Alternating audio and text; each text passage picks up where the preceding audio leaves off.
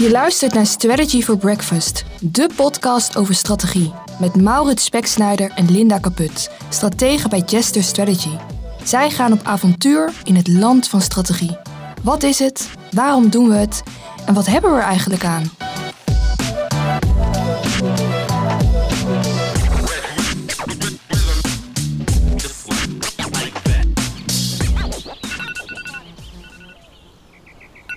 Ja, goedemorgen allemaal. Ehm, ja, strategie, wat, eh, wat, wat hebben we eraan, eh, Linda?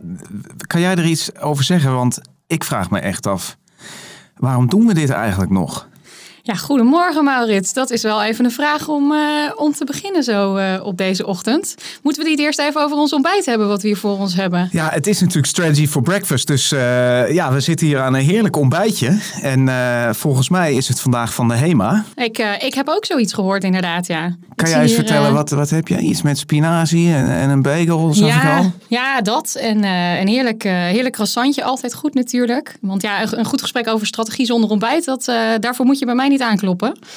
Nee. Uh, we hebben een croissantje, een stukje carrot cake zie ik hier, nog een eitje erbij. Nou, volgens mij is het een behoorlijk uh, compleet ontbijt zo. Ik, uh, ik mag het hopen inderdaad. en niet te veel smak, hè, want mensen luisteren hier naar. Dus, maar goed, om daarop in te gaan. we hebben het hier over strategie. We kennen natuurlijk Peter Drucker al. culture eats strategy for breakfast. Dus we worden hier zo opgegeten als we niet, als we niet oppassen. Vrees het ook. Maar toch even terug. Hè. Wij zijn strategen. En toch zijn we op zoek naar die vraag: wat is strategie? Is het niet gewoon dood? Strategie? Nou, ik moet zeggen, wij hebben het natuurlijk vaak met mensen over strategie. En uh, um, de discussie erover is in ieder geval niet dood. Dat mogen, mogen duidelijk zijn. Want uh, ik denk, uh, en ieder die je vraagt wat is strategie voor jou, geeft een ander antwoord. Dat gaan we in deze serie ook verder verkennen natuurlijk. Is het dood? Ja, ik ben erg fan van de lange termijn. En voor mij gaat strategie ook vooral over uh, wat we in de toekomst uh, kunnen doen, wat we moeten doen. Dus ja, ik denk zeker niet dat het, dat het dood is. Nee, maar dan heb je het over hoe organisaties strategie toepassen. Maar ik moet eerlijk zeggen dat, nou ja, ik ben, ik ben zelf stratege afgestudeerd dan zeg maar even zo. Hè? En ik heb sinds die tijd, 15 jaar geleden, niet, niet het idee dat er nou heel veel mooie nieuwe uh, inzichten bijgekomen zijn. Nee, het feit dat we nog steeds werken met, uh, met Porter en uh, het BIS-model Canvas is ondertussen ook al behoorlijk gedateerd. Ja, dat, dat doet wel deze vraag, roept deze vraag wel op inderdaad, ja. Ja, dat vind ik ook wel. Ja, je noemde Porter al even, hè? dus om maar eens even te zeggen, strategie. Um, hij zei, het gaat om positioneren. Uh, hè, dus eerst hadden we competitie op prijs alleen. Hij zei, nou, er komt wel wat meer bij kijken. Zijn, zijn vijf forces. Um, en hij zei, nou, doe, doe iets. Doe gewoon iets hetzelfde en veel goedkoper. Of doe vooral iets uh, wat een ander niet na kan doen. Uh, maar ja, dat is het dan toch nog steeds? Ja, ik ben bang van wel eigenlijk. dan zijn we klaar vandaag. Ja, dat gaat snel zo. Nee, maar gelukkig hebben we, een, uh, hebben we een gast. En misschien moeten we die eens vragen wat hij ervan vindt. Ja, we hebben, we hebben een gast. We zullen even introduceren. Vandaag hebben we uh, Michiel de Vries. Uh, partner bij Jester Strategy. Uh, Michiel heeft net een, uh, een, mooie wereldreis gemaakt. Dus Michiel, heb jij daar misschien wat, wat andere inzichten van opgedaan uit andere delen van de wereld over wat strategie zou, zou kunnen zijn of wat het is? Oh, Oké, okay, ja. nou, niet, uh, niet direct. Ik heb me daar namelijk helemaal niet uh, over nagedacht dat jaar. Maar ik weet één ding, Porter is niet dood. de Porter leeft nog. ja. Nou ja, wat is, wat is strategie? Um, ik, denk, ik denk sowieso wel dat het een overschat begrip is, strategie. Ik denk dat er heel veel bedrijven succesvol zijn... Uh, zonder dat ze expliciet een strategie hebben. He, natuurlijk, iedereen iedereen onderneemt, iedereen doet wat volgens een bepaald uh, model, volgens een bepaalde verwachting. Maar echt het strategie als, als vak, het, het ontwerpen, is soms wat overschat. Ben ik het mee eens. Ja, dat is toch wel mooi dat je dat zegt. Maar goed, hè, dus uh, alleen deze discussie al uh, legitimeert onze vraag wel een beetje van ja, wat is strategie nou eigenlijk? Daar gaan we naar op zoek in vijf afleveringen. dit is de eerste. maar voordat we dat verder gaan verkennen, gaan we eerst maar even naar een, een quote. We noemen dat de quote der groten.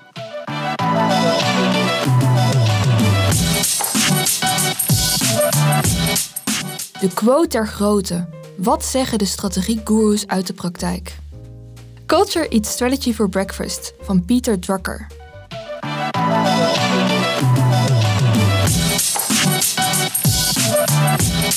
Ja, nou ja, daar heb je hem, hè? Ja. Eh, culture Eats Strategy for Breakfast sluit wel een beetje aan bij wat eh, eh, Michiel zei. Ja, Van eh, strategie is misschien overschat. Eh, er zijn misschien grotere machten en krachten eh, die strategie misschien wel een beetje in de verdrukking brengen. Maar hoe, hoe zou dat dan zijn? Hoe, hoe kan culture strategy for breakfast eigenlijk eten, Linda? Nou, denk je? ja Waar dat, staan we in de rangorde? Ja, ja nou, ik, ik moet zeggen, ik herken deze wel hoor. En ik voel er ook wel wat voor, wat Pieter Drucker hier ons, ons meegeeft. Want kijk, strategie gaat toch vaak over plannen op papier. En staat soms wat ver weg van wat er eigenlijk elke dag in een organisatie bijvoorbeeld gebeurt. Waar mensen mee bezig zijn, hoe mensen zich tot elkaar verhouden ook. Laten we dat vooral niet eh, vergeten. En dat zijn denk ik ook wel de dingen die, eh, die cultuur maken. En die vaak sterker zijn dan een plan wat op papier staat. Mhm. De strategie zou wel degelijk rekening moeten houden met de organisatiecultuur. Om Ja. succesvol te laten zijn. Ik denk dat dat wel verstandig is, ja. En als ja. we die cultuur nou willen veranderen, zoals wij zo vaak te horen krijgen. Ja, ik zou bijna zeggen dat, eh, dat cultuur misschien wel gedeeltelijk de strategie is. Hè? Want ik denk dat je echt, als je een lerende organisatie hebt, als je met een team mensen aan het werk bent en je bent in staat om voortdurend ook te reflecteren op jouw eigen acties, dan ben je ook in staat om als organisatie aan te passen. Hè? Mensen komen overal met elkaar, ze zien dingen, ze zien dingen bij klanten, ze zien nieuwe kansen, ze zien dat soms hun product niet werkt. En als je dat in staat bent aan te passen, ja, dan, dan ben je ook in staat om eigenlijk op de bal te blijven zitten. En ook eh, eigenlijk organisch de juiste dingen te doen als organisatie. Dus in die zin ben ik het wel eens met, eh, met Drucker. Nou ja, dit is, dit is mooi. Want jij zegt eigenlijk, hè, dus, dus, dus eigenlijk is het een soort, eh, bepaalt het het speelveld, min of meer. Dus je, cultuur is je strategie, zeg jij? Nou, gedeeltelijk wel. Kijk, wat, wat ik, ik vind... heb Kijk, hem zeg- genoteerd, hoor. Ik heb Wel niet gezegd dat strategie les, ja. dood is. Kijk, als je, het aan mij zou, als je het aan mij zou vragen, denk ik dat, ehm, dat strategie af en toe relevant is. Ik ben zelf eh, groot fan van Karel Wijk, organisatiepsycholoog. En die zegt eigenlijk van, ja, strategie is episodisch. Hè? Dus af en toe, eens in de zoveel tijd, dan, dan zien we gewoon dat er een schokverandering is. En dat geldt natuurlijk voor eh, verschillende bedrijven in verschillende sectoren op andere momenten. Maar dan moeten we weer eens even met elkaar echt nadenken. eh, waar zijn we van? Waar richten we ons op? Et cetera. Maar goed, dat is, dat is natuurlijk één keer in de zoveel tijd. En tussendoor komt het gewoon aan op goede uitvoering, goed leren.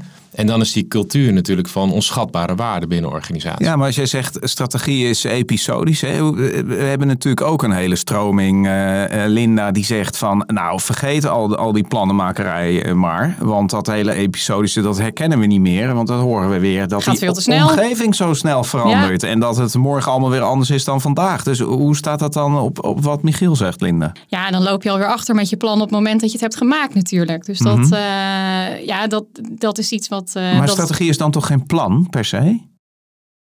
Ja, dat kun je. Dat, nou, dat is al een eerste vraag, denk ik. Ik, eh, ik ben benieuwd. Michiel, wat denk jij daarvan? Ja, goed. Kijk, kijk, technisch gesproken is strategie een plan. Hè? Dus strategie is natuurlijk feitelijk eh, de route naar een bepaald doel. Maar als we het eventjes definiëren, als we het wat breder definiëren, zou ik zeggen, strategie is ook dat doel zelf. Dus waar wil je als organisatie eh, naartoe? En ehm, ja, dan denk ik dat je gewoon grotendeels met elkaar zo'n plan uitvoert. Maar daar ook veel van leert, hè? Dus als je voortdurend van de uitvoering van je plannen leert, dan kan je enorm bijsturen om, om heel succesvol te zijn. En echt een verandering van dat plan, om fundamenteel daarnaar te kijken, daar, daarvan zeg ik van ja, dat zie je, dat zie je, dat is niet altijd mogelijk. Nee. En nodig. En overigens is dat denk ik misschien ook wel een van de eh, problemen vaak met strategie. Dat, dat organisaties in een soort cyclus zitten van we gaan één keer in de drie, vier jaar opnieuw aan die strategie werken. Precies. Ja. Op het moment dat het dan eigenlijk niet nodig is, krijg je de grootste misverstanden. Ja, dat is mooi gezegd inderdaad. En over misverstanden gesproken. Dat brengt ons, eh, voordat we terugkomen bij jou Michiel, bij onze volgende rubriek. En dat gaat eigenlijk over strategische missers. Strategische blunders. Laten we maar eens horen.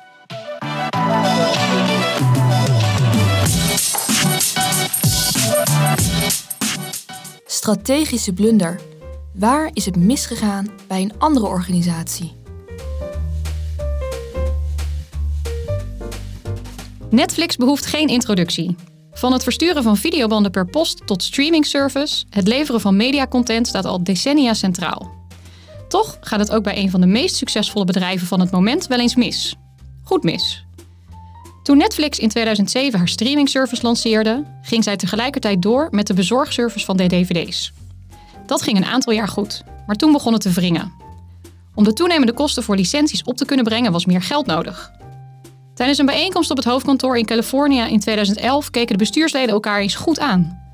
Hoe houden we de bezorgdienst in de lucht terwijl we volop ontwikkelen op online streaming? CEO Reed Hastings kwam met het idee de activiteiten te splitsen.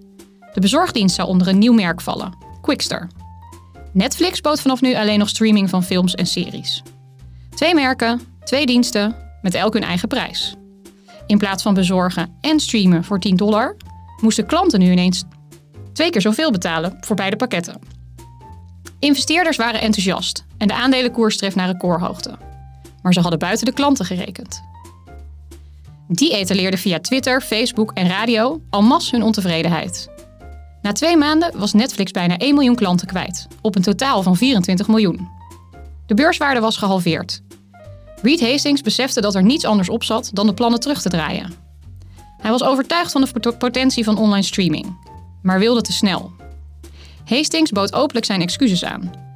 Strategie maken zonder rekening te houden met je bestaande klanten is misschien makkelijk, maar niet zo verstandig.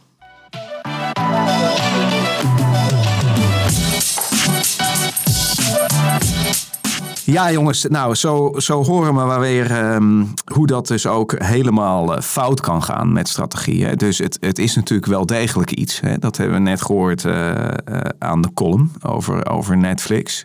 gelukkig zijn ze er nog. Nou ja, ze dus, hebben het goed, ergens hebben ze het goed, goed te repareren. gecorrigeerd. Hè. Michiel ja. had het ook over lerend vermogen. Um, ja, Michiel, we hebben voor jou als gast een aantal stellingen eigenlijk die we voor willen leggen over strategie. Naast wat we eigenlijk al een beetje van je geleerd hebben. En uh, Linda gaat die eens even bij jou voorleggen. Je mag alleen met ja of nee beantwoorden. Oké. En als je wil, mag je er nog op eentje terugkomen.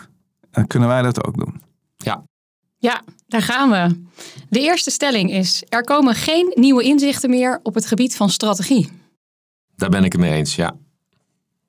Dus geen nieuwe inzichten. Geen nieuwe inzichten, ja. Dank voor deze verheldering. Um, de volgende stelling is: uh, zonder al die theorie over strategie zou de wereld er heel anders uitzien. Oeh, dat is wel een lastige.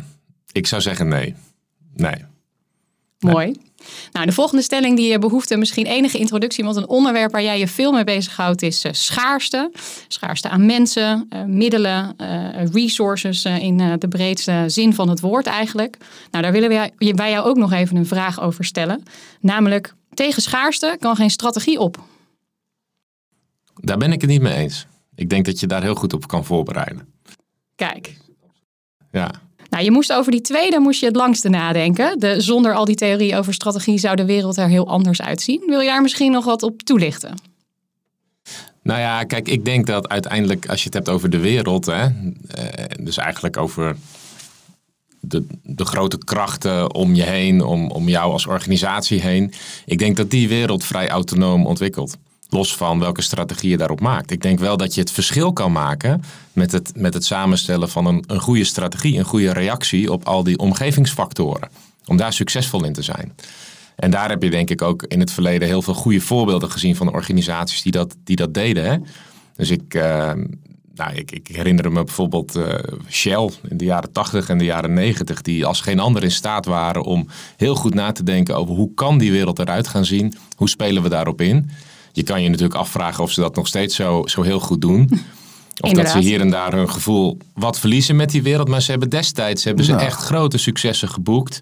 Met het eigenlijk goed bestuderen van die buitenwereld en daar echt tijdig op, op reageren. Ik, eh, ik heb wel vertrouwen in Shell, hoor, als ik eerlijk ben. Eh, niet per se in, in wat ze nu doen. Ja, ik zie Linda al een beetje kijken. wel. Maar eh, ja, ik wel. Ja, ik, ik denk dat zij, juist als het over core competenties hebben, dat ze dit goed beheersen. Ja. En die snappen echt wel dat, dat hun resources en dat wat ze nu doen in de exploitatie, ik, dat dat ophoudt. Maar goed, hè, dus, maar sorry, even terug naar jou. Nee, maar Ja. ik, ben het, ik ben het daar wel mee eens. Misschien moeten we het niet over Shell hebben, maar als ik het heb over de buitenwereld, dan zou ik ook willen zeggen dat dat bestaat uit trends, dat bestaat uit ontwikkelingen, dat bestaat uit krachten.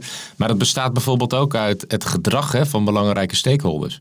En ik denk dat Shell het heel goed inhoudelijk op orde heeft. Hè? Dus dat ze goed nadenken over de toekomst, dat ze juist tijdig de juiste besluiten nemen. Hè? In LNG, en nu gaan ze natuurlijk ook zelf als, als, eh, als, als, als leverancier hè, eh, aan de slag. Maar dat het soms nog wel eens een beetje ontbreekt aan het gevoel bij stakeholders. En het sentiment in de samenleving en hoe daarmee om te gaan. Maar goed, dat zag je des ook, destijds ook al met de brand Spar en dat, dat soort ontwikkelingen. Ja, over stakeholders gesproken. Maar genoeg ja, over Shell. Ja, ja, ja. Nee, oké. En, en, en toch, hè, we zeiden je mag op één terugkomen. Maar ik vind, Ja. vond toch ook die laatste een beetje, of een beetje, eh, bijzonder beetje. interessant. Hè? Nou, absoluut. Ja, Want ja. eh, ehm, inderdaad, jij zegt nou, schaarste, dat is iets, dat is natuurlijk ook een externe factor. Gebeurt om ons heen. Kun je als organisatie zelf zeker niet altijd eh, invloed op uitoefenen. Maar jij zegt toch, als je een goede strategie hebt, dan kun je daar wel beter mee omgaan dan wanneer je dat niet doet.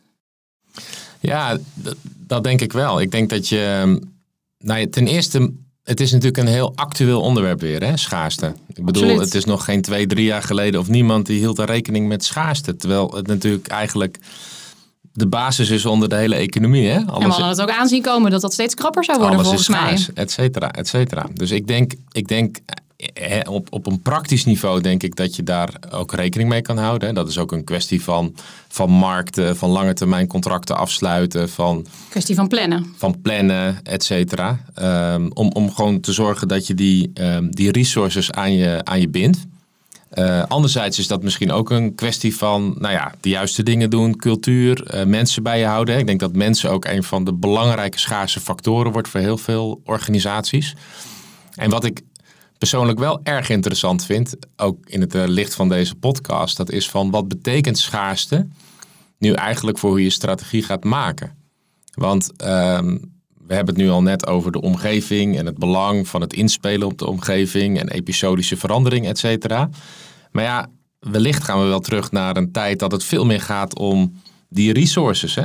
en die resources configureren. Daarom was mijn antwoord ook op de eerste vraag van strategie ehm, blijft eigenlijk altijd hetzelfde. Er wordt niets nieuws uitgevonden. Ik denk dat het een cyclisch iets is. Hè? Dus dat je kijkt, we komen natuurlijk in de jaren 70, 80 had je echt de resource-based view. Hè? Dat ging over het configureren van resources. En het Heerlijk. nadenken, hoe kan ik uniek zijn? Nou ja, vervolgens zie je dat de omgeving wordt, wordt eh, jaren 80, jaren 90 wordt onzeker. En we gaan veel meer naar buiten kijken. Wat gebeurt er buiten? Hoe kunnen we eigenlijk ons aanpassen aan die externe omgeving? En ik denk dat we nu weer een beetje in die cyclus teruggaan naar, naar de resource kant. Van hoe kan ik als organisatie zorgen dat ik gewoon toegang heb tot, tot die unieke resources. En hoe kan ik die ook zo configureren dat ik iets te bieden heb hè, aan mijn klanten of aan eventueel nieuwe klanten, eh, noem maar op. Ja, maar we hebben het wel over eh, de schaarste die we nu hebben. Die wordt eigenlijk ingegeven, deels natuurlijk door de pandemie. Nou ja, we kennen dat verhaal allemaal, hoeven we nu niet op in te gaan. Dat we allemaal zitten te wachten op onze onderdelen, letterlijk. Ook dat grondstoffen eh, langzaam eh, uitgeput raken, of in ieder geval moeilijker aan te komen zijn. Maar bedoelen we niet eh, ook met schaarste dat je als organisatie of als bedrijf juist zelf schaarste moet creëren om strategisch voordeel te behalen. Hè, dus dus ehm, je zei het net al even, die, die menselijke factor bijvoorbeeld. Hè, als je daar een. We hebben dat vanochtend eh, ja, aan het begin al over hè, met Pieter Drucker. Als je een cultuur weet te creëren. en de juiste mensen op de juiste manier aan elkaar weet te verbinden. dat is niet zomaar te imiteren of te kopiëren. hè. Dus dan creëer je eigenlijk zelf schaarste als organisatie, waardoor je strategisch voordeel hebt. Dat is iets anders dan het ontbreken van middelen op een wereldmarkt. Hoe zie je dat, schaarste? Ja, dat is een interessant, eh, interessant perspectief. Op zich geloof ik daar wel in. Kijk, ik denk dat Dat je moet zorgen dat je het zelf gewoon in die zin goed voor elkaar hebt. Hè? Dat je de juiste mensen aan boord hebt. Ik denk overigens ook, maar dat geldt ook gedeeltelijk voor productiemiddelen en productiefaciliteiten. Dat we natuurlijk de laatste twintig jaar eh, met, met de globalisering, met liberalisering van markten, dat, dat bedrijven hun, hun productieketens soms ook fiscaal hè, ge- eh, geoptimaliseerd hebben over de hele wereld. Dat ligt uit elkaar, eh, ver verspreid, geoptimaliseerd. Dus dat levert goede rendementen op. Maar om dat wat dichter weer bij huis te krijgen, om wat minder afhankelijk te zijn van, eh, van, van, van wereldmarkten, van supply chains, van mensen ver weg, mensen die s'nachts in India fabriceren. Om dat iets dichter bij elkaar te krijgen, dan, dan, dan zorg je ook weer dat je een unieke pool aan resources krijgt. En dat je ook in staat bent om zowel qua menselijke creativiteit, maar ook gewoon qua eh, productiecapaciteit, gewoon snel te kunnen leveren aan, eh, aan klanten. Maar juist nu is dat dus ook een enorme kans voor organisaties. Zeker, dat denk dus, ik wel. Dus in die zin biedt schaarste een kans om te zeggen: ja, hé, hey, hoe heb ik dat eigenlijk geconfigureerd in mijn middelen? Hè? En dan, eh, ja, in Nederland merken we dat natuurlijk vooral. Hè? De mens voorop bijna. Hè? Overal tekort aan, aan arbeidskracht. Eh, maar dat is niet alles. Hè? Dat is alleen maar het, het zeggen van heb ik het? Hè? Kan ik erover beschikken? Maar deel 2 is natuurlijk hoe, hoe zet ik het in? Nou ja, wat ik hier hoor volgens mij is eh, dat het toch nog steeds gaat over hoe ben je nou zo uniek en onderscheidend mogelijk ten opzichte van andere organisaties in je sector. Voilà. Ten opzichte van je concurrenten. En dat was niet nieuw. Nee, nee dat wisten we al. Oké. Ja, Michiel, ja, eh, top. Dankjewel. Want eh, ik heb het gevoel dat we hier eh, nog wel drie dagen over kunnen praten. Dat is natuurlijk ook niet helemaal eerlijk, omdat we allemaal strategen zijn hier. Maar dankjewel voor nu. We hebben straks nog een, een laatste vraag aan jou. Maar er is best veel eigenlijk al langsgekomen deze ochtend, Linda. Ben je een beetje happy met, Nou, met, met onze zoektocht? Of is het alleen maar verwarrender geworden? Want, Ik- eh, ja, daar, daar twijfel ik beetje. wel over. Altijd Ja. een beetje van beide natuurlijk. Ik denk dat we de eerste mooie stap op ons avontuur eh, hebben gezet. En ik heb daarbij inderdaad even meegeschreven, ook wel eh, met wat we nu vandaag eigenlijk allemaal hebben gehoord. En er zijn drie dingen die ik in onze rugzak stop om het avontuur te vervolgen. Namelijk eh, allereerst dat, ja, dat cultuur en strategie toch wel onlosmakelijk met elkaar verbonden zijn. Dat is denk ik de eerste belangrijke conclusie. En de tweede is dat eh, ja, strategie niet altijd relevant is, of misschien juist wel. En daar wordt het meteen een beetje verwarrend. Dus dat eh, moeten we denk ik wat verder uit gaan zoeken, hoe dat nou precies zit. En tot slot, als we kijken naar eh, ja, waar organisaties mee bezig zijn als ze strategie maken, dan was dat hiervoor misschien wel best wel veel gericht op die externe omgeving. Wat gebeurt er om ons heen? En is de verwachting voor de komende tijd misschien wel dat dat veel meer gericht gaat zijn op hoe zorgen we er nou voor dat we ja, de juiste middelen ook eh, eh, in huis hebben om onze plannen uit te kunnen voeren en ons doel te bereiken. Omdat dat met schaarste toch steeds, ja, een steeds groter vraagstuk wordt. Dus Ja. volgens mij hebben we weer genoeg dingen en, om eh, eh, en over na te denken. volgens mij. Nou, zeker, zeker. Ehm, ja, Michiel, wij, wij stellen onze gast eh, altijd de vraag of jij dan weer een vraag hebt voor de volgende gast. Wat zou jij willen, willen vragen?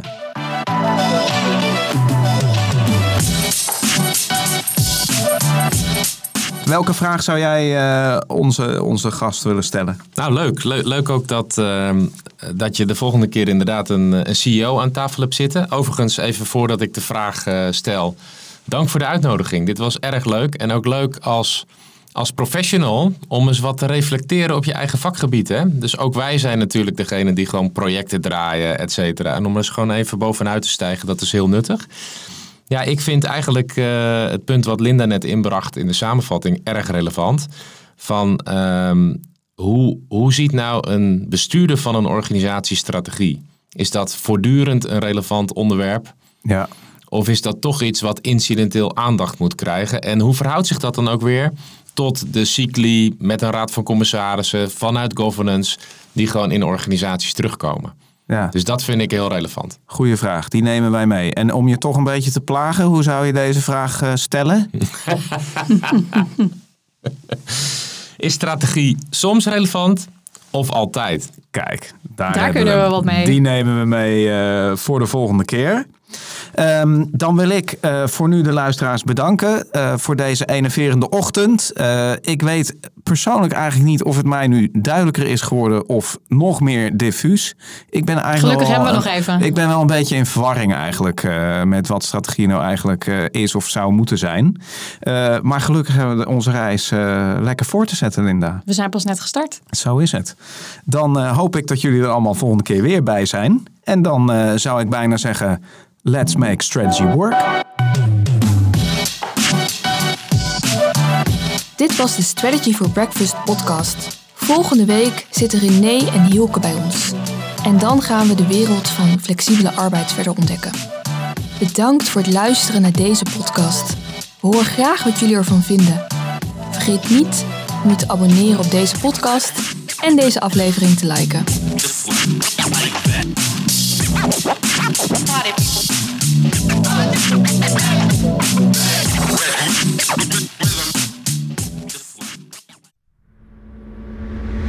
Deze podcast is met trots geproduceerd door Content Leaders.